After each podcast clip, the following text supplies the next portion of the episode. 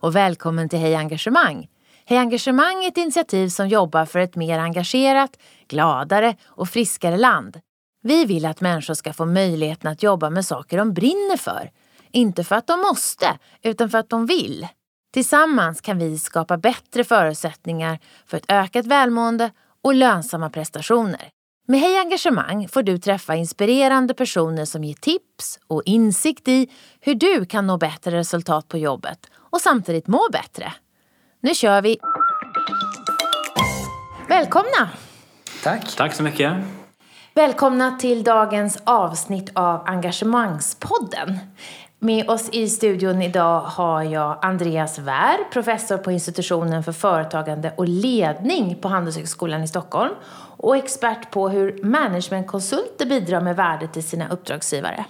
Och Jonas Dahl, doktorand på samma institution och organisationskonsult vid Gaia Leadership. Och han har bland annat forskat på effekterna av ett medkännande och coachande ledarskap. Välkomna! Tack så mycket. Tackar, tackar. Stämde det där? Ja, det tycker Ja, det jag. tycker jag. Absolut. Om vi skulle börja med att utifrån era respektive perspektiv göra en utblick över tillståndet på svenska arbetsplatser eh, 2018. Sådär. Vad är det som kännetecknar ledarskap och arbetssätt idag? Ja, jag tycker att det... Alltså det, dels är det lite grann svårt att generalisera för det ser ganska olika ut. Eh, det är lite intressant med en organisation. Det kan vara så här, man kommer in i en organisation och det är helt fantastiskt. Helt fantastisk energi och alla är liksom är på och det är ett högt engagemang. Och så kan man komma in i en annan organisation där det är precis tvärtom. Så det beror lite på, men jag tycker i alla fall att om man ska prata om några sådana här begrepp som flyger runt just nu så är det faktiskt begreppet engagemang man pratar mycket om. Hur kan vi skapa ett högt engagemang? Eh, hur kan vi skapa hög energi hos alla? Och hur kan vi göra alla involverade och delaktiga i, i arbetet så alla känner att det känns meningsfullt att gå till jobbet? Och Jonas, när begreppet engagemang används, vad avser de flesta organisationer och ledare då? Om man tittar på ledarna så, tr- så tror jag man tänker sig hur kan vi få medarbetarna att göra lite extra? Lite mer extra, att de liksom verkligen tar i extra mycket. Och Lägger in en extra växel? Ja, precis. Så att vi får liksom ännu mer ja, lönsamhet eller effektivitet i organisationen.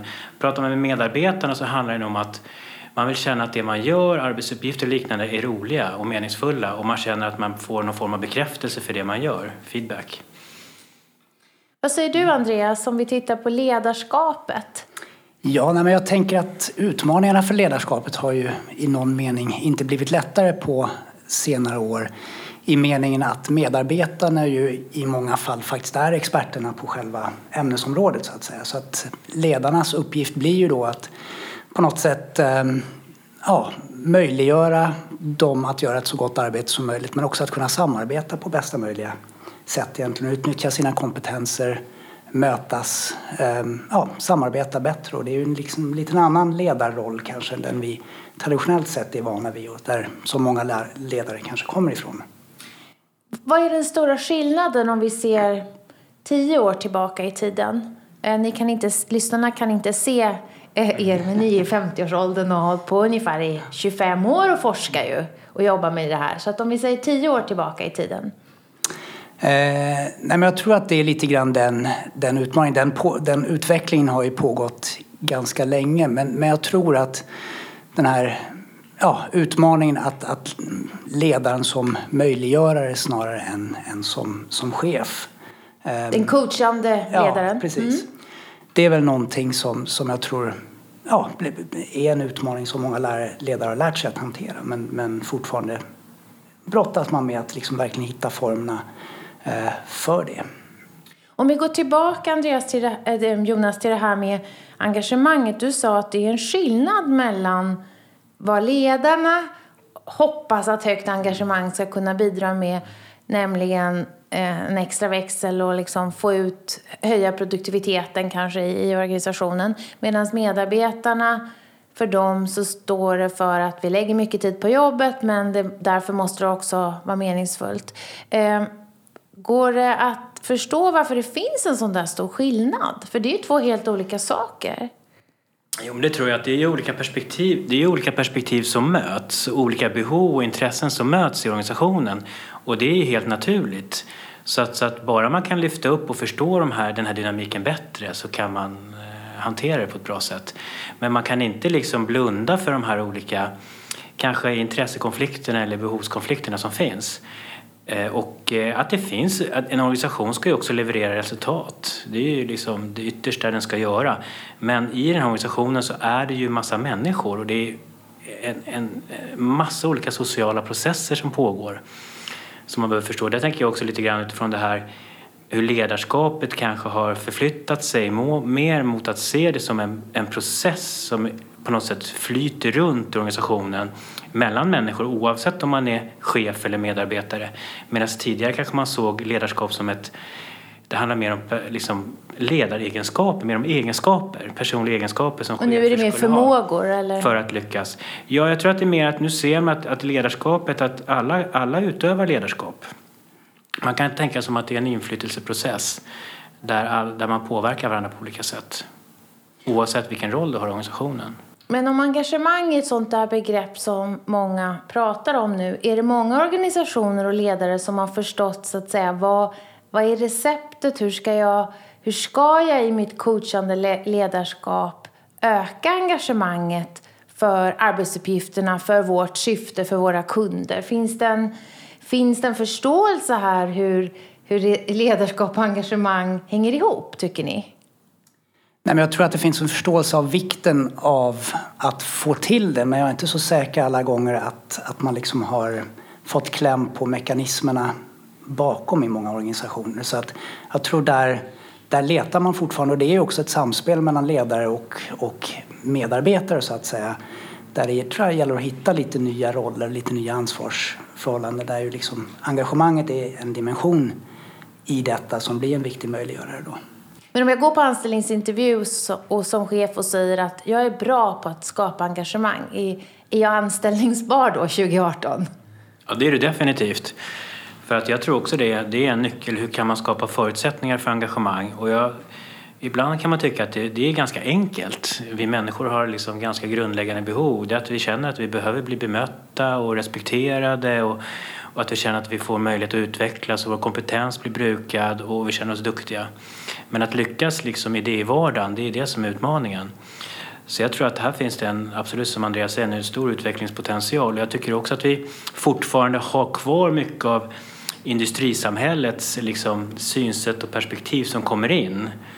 Där, vi är liksom ett, där organisationen ses mer som ett maskineri där människor är kuggar och liksom, som ska liksom på något sätt fungera så effektivt som möjligt. Så här tror jag också att man behöver hitta nya synsätt på, på, på ledarskap. Ja, det gäller ju inte minst våra styrsystem i någon mening som, som ofta är byggda mer på det hierarkiska sättet och, och, då blir det ju svårt att jobba mot dem både som ledare och, och medarbetare. Varför blir det svårt? Berätta.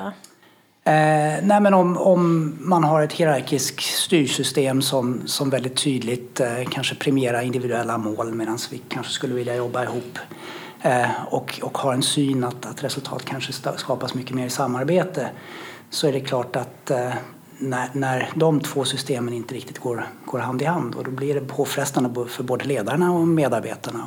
Styrsystem och ersättningsmodeller i många ja, organisationer. Precis. Mm. Eh, om vi pratar om det här med organisationer som kännetecknas av ett medkännande och coachande ledarskap. Kan ni beskriva hur, hur, hur fungerar de och hur ser det ut i den typen av organisationer?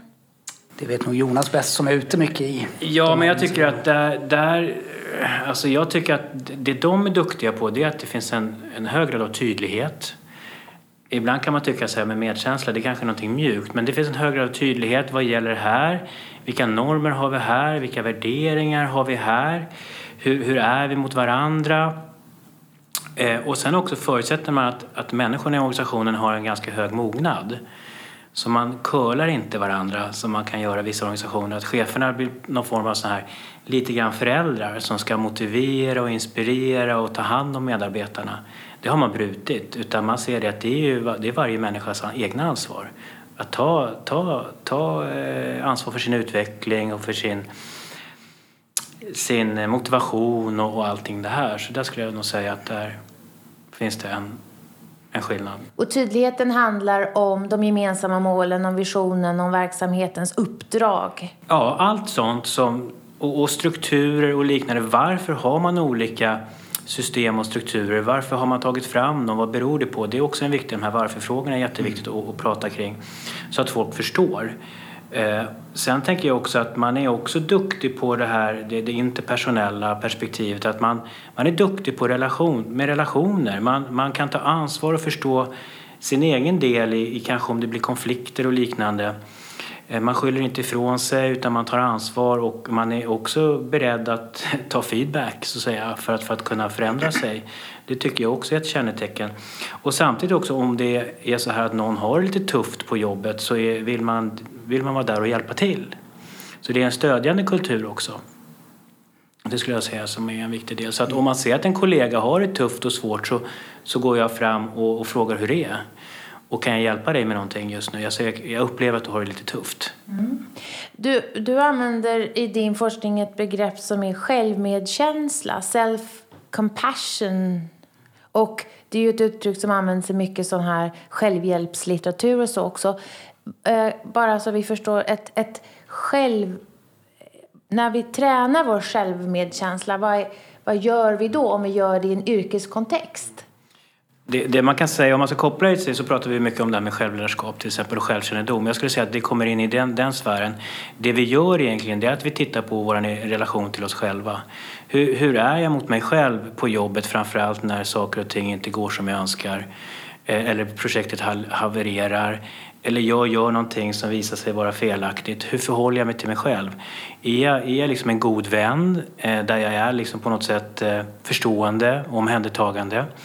Eller slår jag på mig själv och kritiserar mig själv och tycker att jag är värdelös? Där kan man säga liksom, där kommer självmedkänslan. Så man kan säga att det, det är liksom hur, hur, hur, hur ser relationen, vad är kvaliteten i relationen till mig själv? Är jag min egen bästa vän eller är jag min egen bästa fiende? Mm. Det är också en hög grad av mognad att kunna reflektera så. Så då, då krävs det ju också ett, tillåt, ett tillåtande reflekterande i en sån organisation. Är det här vanligt? Jag vet inte om lyssnarna tycker att det Jag tycker många organisationer inte präglas av det här. Men det behöver inte vara så uttalat utan om vi säger så här att var, om vi tittar på chefer till exempel som vi har gjort lite, lite studier på just på det här begreppet så kan vi se när vi pratar med dem utan att prata om, om begreppet självmedkänsla så kan vi bara fråga hur de gör när de upplever att de misslyckas. Då kan vi höra skillnad på hur man förhåller sig till den erfarenheten. Vissa Eh, tycker, alla tycker att det är jobbigt såklart. Det är, käns det är en känslomässig påfrestning, det är negativa tankar och känslor. Det, det, det, det, liksom, det upplever vi alla, det är mänskligt. Men vissa drar slutsatsen att, slutsatsen att nej, jag ska nog inte hålla på med sådana här svåra projekt. Det här var nog liksom ovanför min, min förmåga.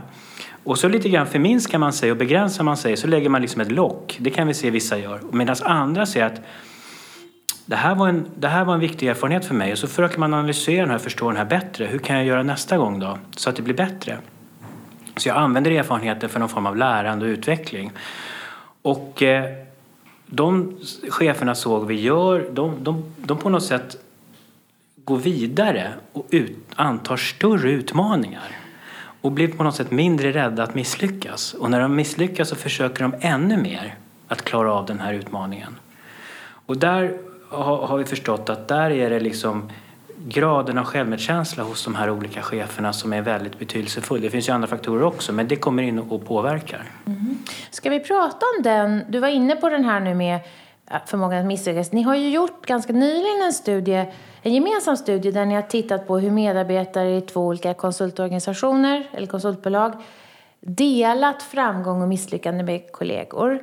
Ehm, och jag tänker att vi, vi pratar ju mycket om det här med misslyckanden och fail fast och att i en innovationsdriven eh, ekonomi så gäller det att pröva alla idéer även de, och så framförallt lära sig av de dåliga. Eh, vad var det specifikt ni ville studera? Ja, men vad vi inte minst var intresserade av det är ju hur man tänker kring det här med misslyckanden och delning av misslyckanden i organisationer där det kanske inte alltid är så lätt att veta vad som är lyckat och misslyckat i någon mening. Mycket av den forskning som finns kring detta är gjort i ganska så välstrukturerade miljöer, typ sjukvården eller kärnkraftverk eller någonting sånt där, där man har lagt ganska mycket tid på att ta fram procedurer som just ska eh, ja, motverka felaktigheter. Ja, och minska fel, risk. Vi vill ja, ju inte att det ska gå så mycket fel på ett kärnkraftverk. Nej, exakt. Men problemet är att vår, många av våra organisationer ser ju inte riktigt ut så. Så tar man en konsultorganisation, PR-byrå, hur sjutton vet man om den kampanjen var lyckad eller inte lyckad och vems, vad det då beror på om den var lyckad eller, eller inte lyckad. Så att där är ju lyckande och misslyckande väldigt mycket en subjektiv upplevelse. Så det, det var lite grann en av dimensionerna som intresserade oss där. Hur, hur kan man tänka kring det? För vi såg också att det, det är framförallt två dimensioner som, som är viktiga. Den ena är ju organisationens lärande där det borde finnas en potential att kunna bli bättre på ehm, att göra det man gör genom att reflektera mer tydligt på det som går bra och det som går dåligt. Men det andra är också en, en, en mera individuell och arbetsmiljödimension där vår utgångspunkt någonstans är att kan man liksom prata mer öppet om det som kanske inte gick så bra som man hade tänkt sig så, så ja, får man en, en mer mänsklig arbetsplats, en, en, arbetsplats som också ger större motivation och, och bättre välmående inom mig. Så det, så var, det var hur vi jobbar strukturerat med, med att analysera vårt arbete för att mm. förstå vad vi har lyckats mindre bra ur lärandeaspekten och sen vilket klimat, vilken organisation behövs för att våga ta mer risk för att vara mer kreativ till exempel. Ja, så och vad, vad, vad, är, vad var resultatet? Nej, vi kunde ju se, vi, vi blev alltså inte sådär jätteöverraskande för vi kunde se att det fanns väldigt mycket hinder för att dela de här erfarenheterna av misslyckanden framför allt. Det fanns ett antal barriärer. Vi tittade väldigt mycket på barriärer och möjliggörare. Och då kunde vi se framförallt att i det stora sammanhanget där delar man inte de här upplevelserna. Vad betyder stora? I hela organisationen? Ja, i hela organisationen. Eller arbetsgruppen. Eller i arbetsgruppen. Större... Utan man väljer ut ett fåtal kollegor där man känner någon form av trygghet. Och där öppnar man upp sig och kan dela eh, den här upplevelsen för att, få, för att få tröst eller stöd eller feedback. Det kunde vi se. Och sen kunde vi också se att har man, eh, kan man skapa liksom lite grann formella arenor där man uppmuntrar medarbetarna att dela eh, de här eh, erfarenheterna. Till exempel i vissa gruppmöten kunde vi se så hade de någonting som hette veckans hit och shit till exempel. Så, så Fuck hade man, up nights har man ja, på Kinnevik. Mm. Och, och liksom, då har man byggt och då är det lite mer riskfritt att dela. Kanske till och med lite prestigefullt att vara en som delar då? Ja, vi kunde ju se att prestige hade stor betydelse. Framförallt de här som upplevde att de hade hög status i organisationen. De hade mycket lättare att dela med sig av de här misslyckandena. För de, de var inte lika oroliga för att det skulle påverka deras image. För imagepåverkan kom upp som en stor, en, st en stor grej som man var väldigt... Var väldigt Image för personen? Ja. Hur kommer andra tycka om mig? Det här är konsultorganisationer. Det, där, där är också råder någon form av inre arbetsmarknad. Där det finns konkurrens mellan uppdrag och kunder och prestige. Då vill man ju upplevas som attraktiv på den marknaden. Och då är man ju väldigt mån om att Ska jag dela med mig av ett misslyckande? Tänk, tänk vad, de, vad kommer de andra tycka om mig då? Kommer de se mig som mindre attraktiv? Kommer de se mig som mindre kompetent? Etc. Det är sådana där överväganden man gör. Så, så det, det är absolut ingenting som man går ut och delar hur som helst. Så i vilka, eh, på vilket sätt maximi, de maximerades lärandet? Alltså vad är, när ni har tittat nu på hur de här olika, två olika organisationerna, mm. lite olika team jobbar. Vad var bästa sättet för att öka lärandet så som du beskrev det tidigare Jonas när man ser tillbaka och du vågar ta ett nästa steg, du vågar utvidga din komfortzon, du känner dig trygg, du vet att det finns tillit i organisationen. Vad, vad var på plats då? Hade det med kollegornas bemötande att göra? Hade det med kulturen att göra? Hade det med ledarskapet att göra? Alltså, Belöningsformer? Jag tänker i båda organisationer fanns det ju en del att jobba med. Mm. Kanske mer i någon än, än den andra då, då. Men, så att den, den liksom ultimata success caset har vi nog inte hittat eh, här då. Men det, det, handlar ju om att jobba med alla de dimensioner du, du nämner i någon mening då. Så att eh, det handlar om möjligheter, eh, arenor där det faktiskt är legitimt att prata om, om misslyckanden. Ehm, det handlar om förtroende för, för varandra, veta att det man delar inte kommer utnyttjas mot en i nästa lönesättning eller, eller mm, projektbesättning. Ehm, Ja, det handlar om strukturerna som har att göra, med belöningssystemet. Vi såg till exempel att i den ena organisationen där hade egna, egentligen eget bolag i någon mening. Så att eh, där var beläggningen verkligen fråga om, om mat på bordet eller inte medan i den andra organisationen så hade man ändå en fast lön så att det handlar mer om eh, ja, Medarbetarna var, alltså hade egna bolag och, och hade inte jobbade, råd att så att säga Nej, de jobbade ifrågasätta. i, i ett paraply mm. så att säga. Men mm. ersättningen var direkt kopplad till de pengar de så att säga eh, drog in och den omsättning de, de genererade inom bolaget. Då, så att säga. Och där var det ju svårare eftersom det var mycket mer på spel i, i de organisationerna, i den organisationen så att säga. Har det någonting med semantik att göra? Alltså vuxna människor gillar inte ordet misslyckande men lärande kan, är ju svårt att vara emot. Eh, erfar, goda erfarenheter är ganska svårt att säga att man inte gillar.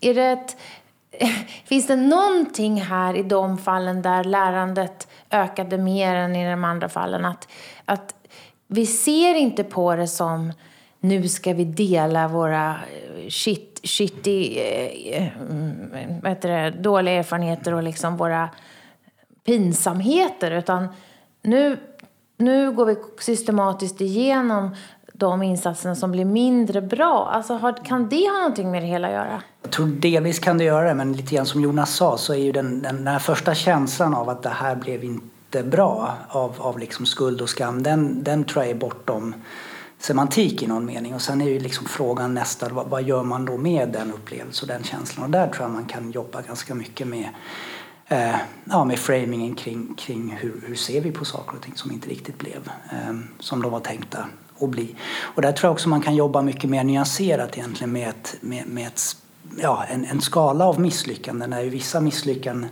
är faktiskt klandervärda i någon mening där man helt enkelt har, har gjort något jäkligt korkat och, och, fel. Liksom. Ända bort till misslyckanden som faktiskt innehåller liksom en potential för nästa stora genombrott. Eh, vad det nu kan vara för någonting. Så att tänka lite mer nyanserat på misslyckanden tror jag också är en viktig del i, i detta. Då. Mm.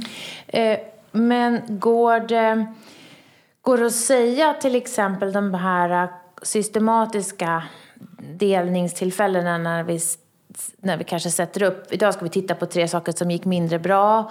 Och så, eh, att det är aktiviteter som ändå främjar en kultur där vi delar i större grupp. Är det en bra aktivitet? Det vill nog lyssnarna gärna veta. Ja, om man förstår varför och, och vad syftet är och eh, vad konsekvenserna kan bli. Om det är tydligt så är det en bra, en bra aktivitet.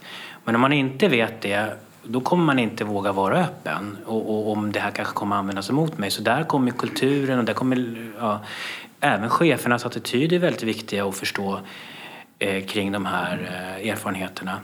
Jag skulle också säga att när vi pratar om när vi upplever att vi misslyckas så väcker ju det negativa känslor och därför är det också viktigt att förstå det perspektivet också. Det betyder att om jag lägger fram ett misslyckande så kommer mina kollegor också uppleva ett obehag. Och om de inte klarar av att stanna kvar i det obehaget eller acceptera det så kommer de försöka på något sätt fly undan från det här. Eller liksom bortförklara det eller tycka att Nej, men det där var ingenting, det är helt okej. Okay. Så här behöver också liksom organisationen eller gruppen eller individen också, också förstå det här att hur kan vi på något sätt undvika att fly bort från de här utan hur kan vi stanna kvar och känna att är det här en intressant, är det här en intressant erfarenhet, hur kan vi då försöka förstå det bättre? För att vi pratar om organisation, organisatoriskt lärande och det uppstår ju inte om inte individerna delar med sig av sina erfarenheter. Och sen kanske det hamnar i den här, på den här, grupp, i den här gruppen och sen behöver gruppen då fundera på hur ska vi ta det här vidare då? För det här kanske är andra grupper i organisationen som också har samma erfarenheter. Och de här är ju jätteviktigt för organisationen sen att se. Här kommer det massa signaler att vissa saker inte fungerar. Det kan vara i kundrelationer eller i produktutveckling och liknande. Då kan inte organisationen tillräckligt snabbt anpassa sig. Så utifrån organisationens perspektiv så är det i stort sett bara fördelar. Men lägger vi tillbaka det på individen så är det liksom det, det finns en nytta men det finns också en väldigt hög kostnad. Kan, och det här ni, överväger man hela tiden. Kunde ni se att om processen var designad, arbetsprocessen och arbetssättet var designat på sånt sätt att det fanns väldigt tydliga avsnitt för reflektion, för feedback där um, där feedback på det som har gått mindre bra också uppmuntras, att det skapar mer av trygghet för individen att dela? Ja, men inte minst så tror jag det, det legitimerar delandet så att säga. Ehm, just en tydlig feedbackkultur kunde vi i en av organisationerna se som en, en, en liksom bra möjliggörare för, för, den här delningen. För då blir det också odramatiskt att man sätter sig efter ett möte och funderar över vad gjorde du bra, vad, vad, vad kunde jag ha gjort bättre? Ehm, och, och, det är liksom helt okej okay att eh, dela det. Men jag tänkte också på de här tillfällena att, att liksom dela med misslyckanden. Jag tror att viktigt är väl att komma bortom en, en liksom ritualiserad version av detta där, där man ja, delar med sig de här misslyckanden som egentligen är framgångar. Alltså typ den här frågan eh, som alla Förtäckt framgång. Anställningsnivå, mm. eh, vad, vad är din svaga sida? Ja, men det är min otålighet eller någonting sånt där. Den typen av misslyckanden kan man ju också Eh, delar. Så att jag tror att, att man måste hitta den där genuina misslyckandet. Också ge det tid att reflektera kring det, lite grann som du var inne på. För eh, dela är en sak, men det är egentligen i diskussionen av det som delas och slutsatsdragningen kring det som, som lärandet sker. Och det tror jag ofta man, man kanske inte riktigt hinner med eller, eller prioriterar tillräckligt mycket. Kunde ni se någon koppling mellan engagemang och eh möjligheten att få misslyckas och möjligheten att få dela ett misslyckande? Jag tyckte vi kunde se kopplingen mellan eh, om, man, om man öppnar upp och delar de här erfarenheterna och det kan både vara framgång och misslyckanden så bidrar det till en ökad öppenhet. För då börjar andra också dela och så får man en positiv spiral. Och jag skulle kunna säga att och då ökar också den psykologiska tryggheten i, i gruppen. Och det visat sig att det har, ett stort, det har en stor påverkan på engagemang. Och eh, då blir vi också tryggare. Och då vågar vi också tänka mer nya tankar och vi vågar också liksom ta ut, kanske liksom ta ut svängarna lite mer. För att om man tittar på det organisatoriska landskapet idag lite grann så är det väldigt mycket som är svårt att förutspå. För att det är så mycket som påverkar idag och det är en ganska hög grad av förändlighet och, och, och, och även tempo. Så därför menar jag då att vi behöver bli bättre på det här. Det här är en jätteviktig tillgång. Och så därför är jag och Andreas också intresserade av att se när vi förstår ännu bättre hur det är på riktigt där ute. Vi är ju intresserade av hur folk pratar kring det här eller inte pratar kring det här. Så kan vi också sen komma med ett, med ett förslag på hur skulle man kunna jobba för att förbättra den här förmågan att dela framförallt erfarenheter av misslyckanden. Det finns ju någonstans här en förväntan på att medarbetare ska kunna allting. Alltså att man ska vara engagerad i en privat roll. Det är ju inte alltid säkert att man kan växla över det engagemanget till ett professionellt engagemang. Hur ser ni på det här med förväntningar på en medarbetares bidrag? Har det ökat eller är det, eh, har det ökat men blivit tydligt, då är det inte så svårt. Men ökat och blivit otydligt, då är det ganska svårt att bidra. Och skapa kanske stress.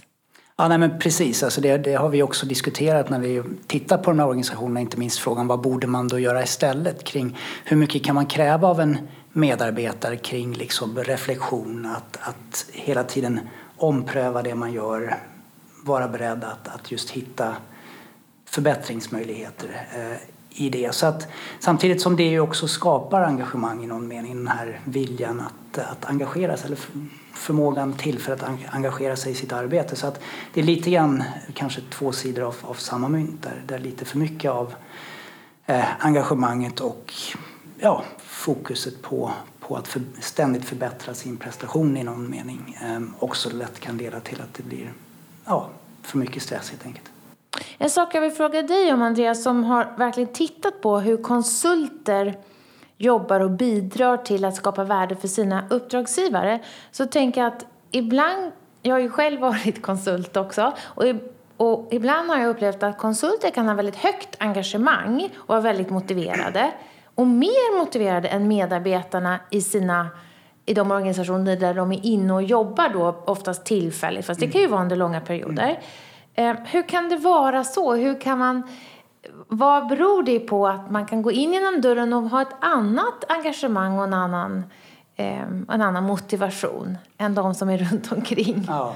Nej, men jag tror vad inte minst konsultorganisationer är duktiga på, jag har då framförallt tittat på de här lite, lite större internationella konsultbolagen, så tror jag det är att nej skapa en tydlig struktur för utveckling för, för medarbetarna. Det tror jag lockar och engagerar den typen av människor som väljer att söka sig till de organisationerna. Så återigen, jag tror att det inte det är inte ett recept för alla men det är ett recept för dem som, som de anställer. Och just de här väldigt tydliga karriärvägarna, ständiga feedbacken, ständigt nya utmaningar och så vidare.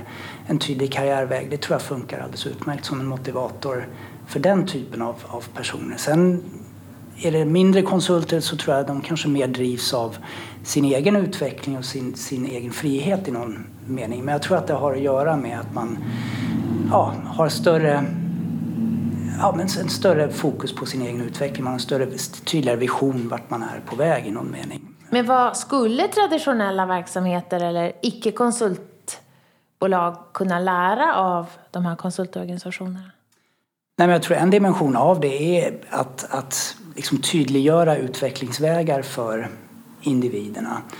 Samtidigt som jag tror också man ska vara medveten om att det är en viss typ av individer som, som söker sig och får jobb i den här typen av organisationer som liksom drivs av den typen och motiveras av den typen av, av möjligheter. Så att, att, jag tror inte man får glömma att alla medarbetare är inte likadana och, och därför blir det också svårt att, att liksom kopiera koncept som kanske funkar i konsultorganisationer i en ja, stor linjeorganisation till exempel. De kommer inte kunna attrahera samma människor, de människorna kommer inte trivas i den miljön. Så det är lite grann den här matchningen att hitta personer som, som trivs i rätt miljö. Så att jag tror man måste hitta andra sätt i andra typer av organisationer. Mm. Ja, då kommer du till, till tydlighet och det mm. var det ni sa ja. präglar de organisationer som också har högt engagemang. Att det verkar vara en faktor som gör, eh, gör det lättare mm. att få verka fullt ut och kanske lättare att få vara personlig också då. Att inte det finns någon, någon reprimand på det. Att jag tar med mig mitt engagemang in på arbetsplatsen. Ehm, jag tänkte vi skulle fråga om ehm, ehm, så här att vad borde jag fråga er om som ni verkligen tycker är intressant just nu att prata om? Kanske någonting som ni har påbörjat eller tittar på framåt? Jag vill bara också bara förtydliga att de misslyckanden vi pratar om, de är arbetsrelaterade. Så det är inga liksom privata misslyckanden vi pratar om. Jag vill bara vara, vara tydlig med det. Bra. Mm. Eh, och, och eh, nej men, jag, jag, jag, tycker ju mer vi håller på och försöker förstå det här fenomenet, ju mer intressant blir det. Så, fenomenet ja, kring det här, de här upplevelserna av misslyckanden och framförallt det här att det är som Andreas säger, det är väldigt mycket en subjektiv föreställning eller upplevelse. Så då är vi intresserade av att förstå hur konstrueras de här? Eh, och hur på något sätt avgör man i, i en organisation eller i ett kollektiv då vad som är ett misslyckande vad som inte är ett misslyckande. När det inte finns den här tydliga, det inte finns de här tydliga rutinerna och, och, och reglerna. Det tycker jag är jätteintressant. Mm. För att i de här två konsultorganisationerna så finns det inga normer kring det här. Det finns ingen som, utan folk skapar det hela tiden. Mm. Och så går man och har en uppfattning och så går man och delar den med en kollega och säger kollegan, men vad då? Hallå? Det där känner inte jag, det där var väl ingen misslyckande? Jo, men jag upplevde det. Och så börjar man liksom, det är de här samtalen som är väldigt intressanta. Och hur också eh, kulturen påverkar och normerna påverkar, för det är ju ett samspel här hela tiden. Så det tycker jag är ett, ett, ett spännande, spännande att försöka förstå ja. det bättre. Och även det här att vi sitter här och pratar om det här just nu. Vi ser ju också att det poppar ju upp massa saker bara de senaste fem åren globalt med olika initiativ som ska uppmuntra folk att dela mer av sina, sina erfarenheter av misslyckanden. Som, som från Day for Failure, World Failure Day, Museum of Failure. Det finns ett institut i Holland som heter eh, Institutet för briljanta misslyckanden som samlar alla de här casen. Eh, vi har folk som lägger ut sina failed CVs liksom. Så att det, det är någonting som pågår här som är väldigt intressant att förstå. Går man in och tittar också, om man googlar bara på begreppen success och fail så ser man att man, man får ju...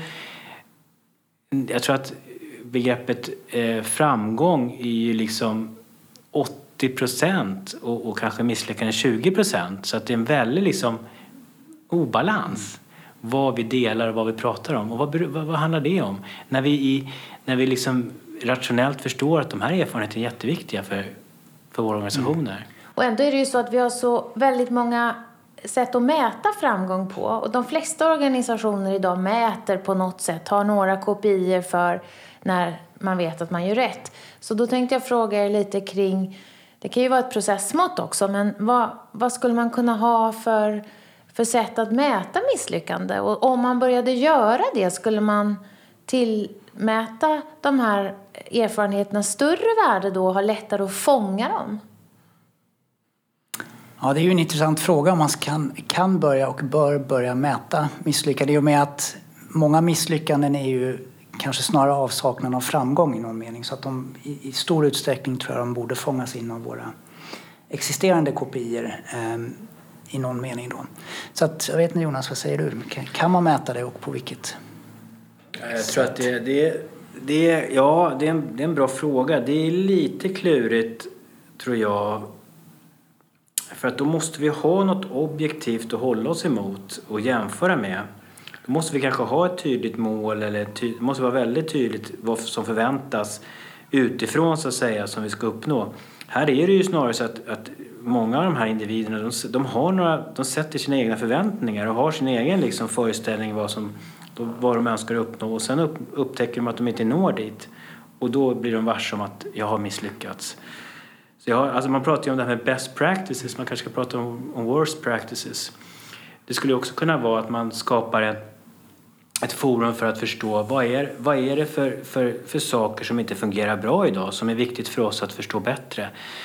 Jag tror att man definitivt kan, kan eh, och kanske det, det är lite knepigt också för att vi har ju det här, den kultur, vi lever ju i en blaming culture också just nu. Vi är ju experter på att, att liksom lägga skuld och skam på varandra. Och det påverkar oss också. Om vi kunde bli mindre, om vi kunde bli mindre benägna att göra det och kanske bli bättre på att själv hålla, våran, liksom, hålla de här jobbiga känslorna så kanske vi skulle bli liksom mindre benägna och, och eh, lägga skuld och skam på andra när de misslyckas för då gör vi det mindre på oss själva. Jag vet inte om jag blev, blev tydlig här men det, det, det är liksom en ganska hög komplexitet mm. i, i det här fenomenet. Så jag vet inte om jag kan komma på någon enkel lösning just nu. Nej, alltså i någon mening kan jag ju tänka att det möjligtvis kan vara... Alltså mätandet är en del av problembilden i någon mening. Alltså för det skapar den här möjliga rädslan för, för misslyckande. Um, så att jag tänker den, den kultur som, som kanske uppmuntrar innovation och nytänkande, för det är väl kanske det vi är ute efter i, i, i dagens ganska snabbt förändriga samhälle i någon mening. Det är ju kanske en kultur som är ganska öppen ehm, som ja, har en, ständig, en, en, öppenhet för experimentering och, och en ständig eh, uppföljning av det som gör och huruvida det drar oss mot vårt mål så att säga. Men, men problemet med väldigt fasta och tydliga målstrukturer är ju också att det blir lite hämmande och man, man, man vågar liksom inte riktigt att utmana ödet för att man vet inte riktigt hur det kommer att ja, mottas om man missar sin kvartalsrapport. Man skulle ju kunna mätas på ehm, förmåga att ta risk. Alltså om vi säger att eh, vi behöver ett ökat risktagande därför att vi vet att, det är där att innovation kommer när vi slutar göra som vi alltid har gjort och vi måste hitta andra typer av användare eller kundinsikter så skulle vi kunna mäta våra medarbetare på förmåga att, att ja. tänka utanför komfortzonen. Men där, där är ju risken då att, att det blir återigen här lite unintended consequences. För det är inte, det är inte så svårt att tänka utifrån från, utanför komfortzonen men vi vill ju att de tänker hyfsat rätt utifrån. Och ändå är det så få som gör det. komfortzonen.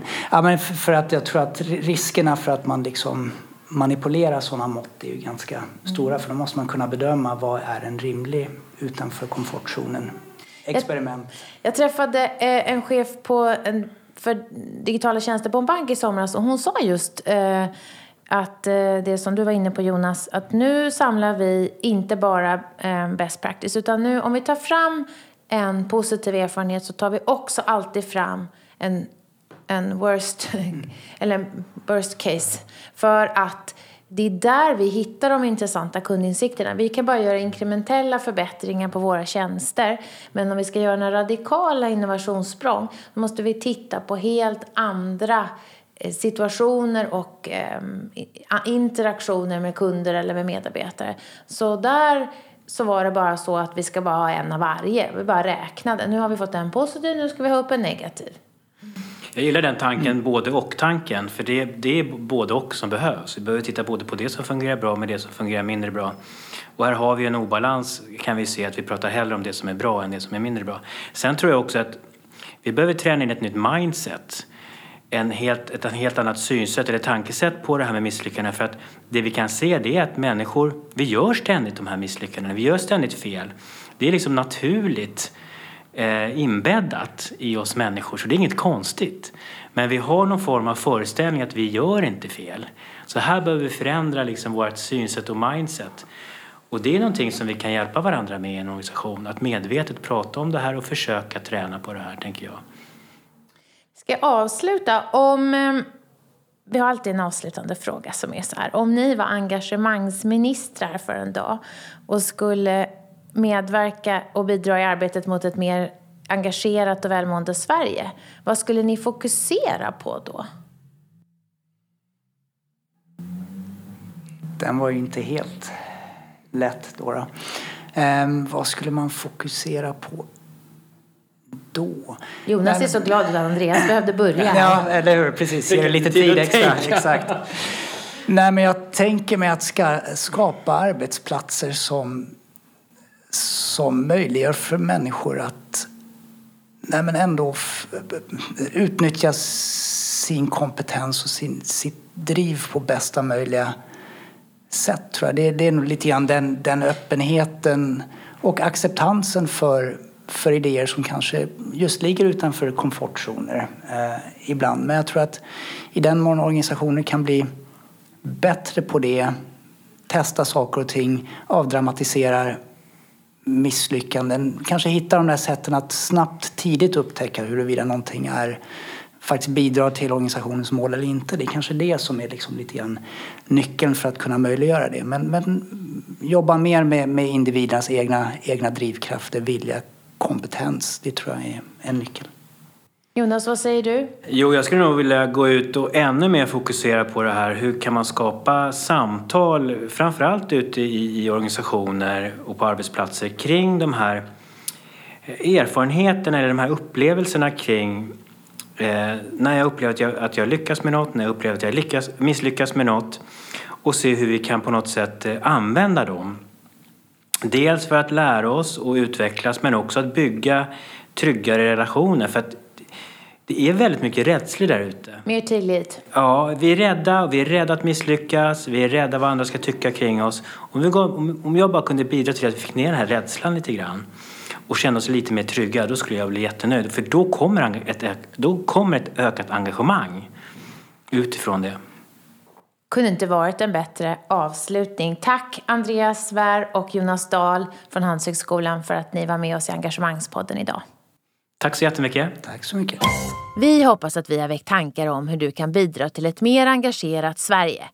På hejengagemang.se kan du hitta mer inspiration och tips kring hur du som individ, ledare och organisation kan jobba för att skapa ett ökat engagemang, välbefinnande och nya resultat. Tack för att du har lyssnat!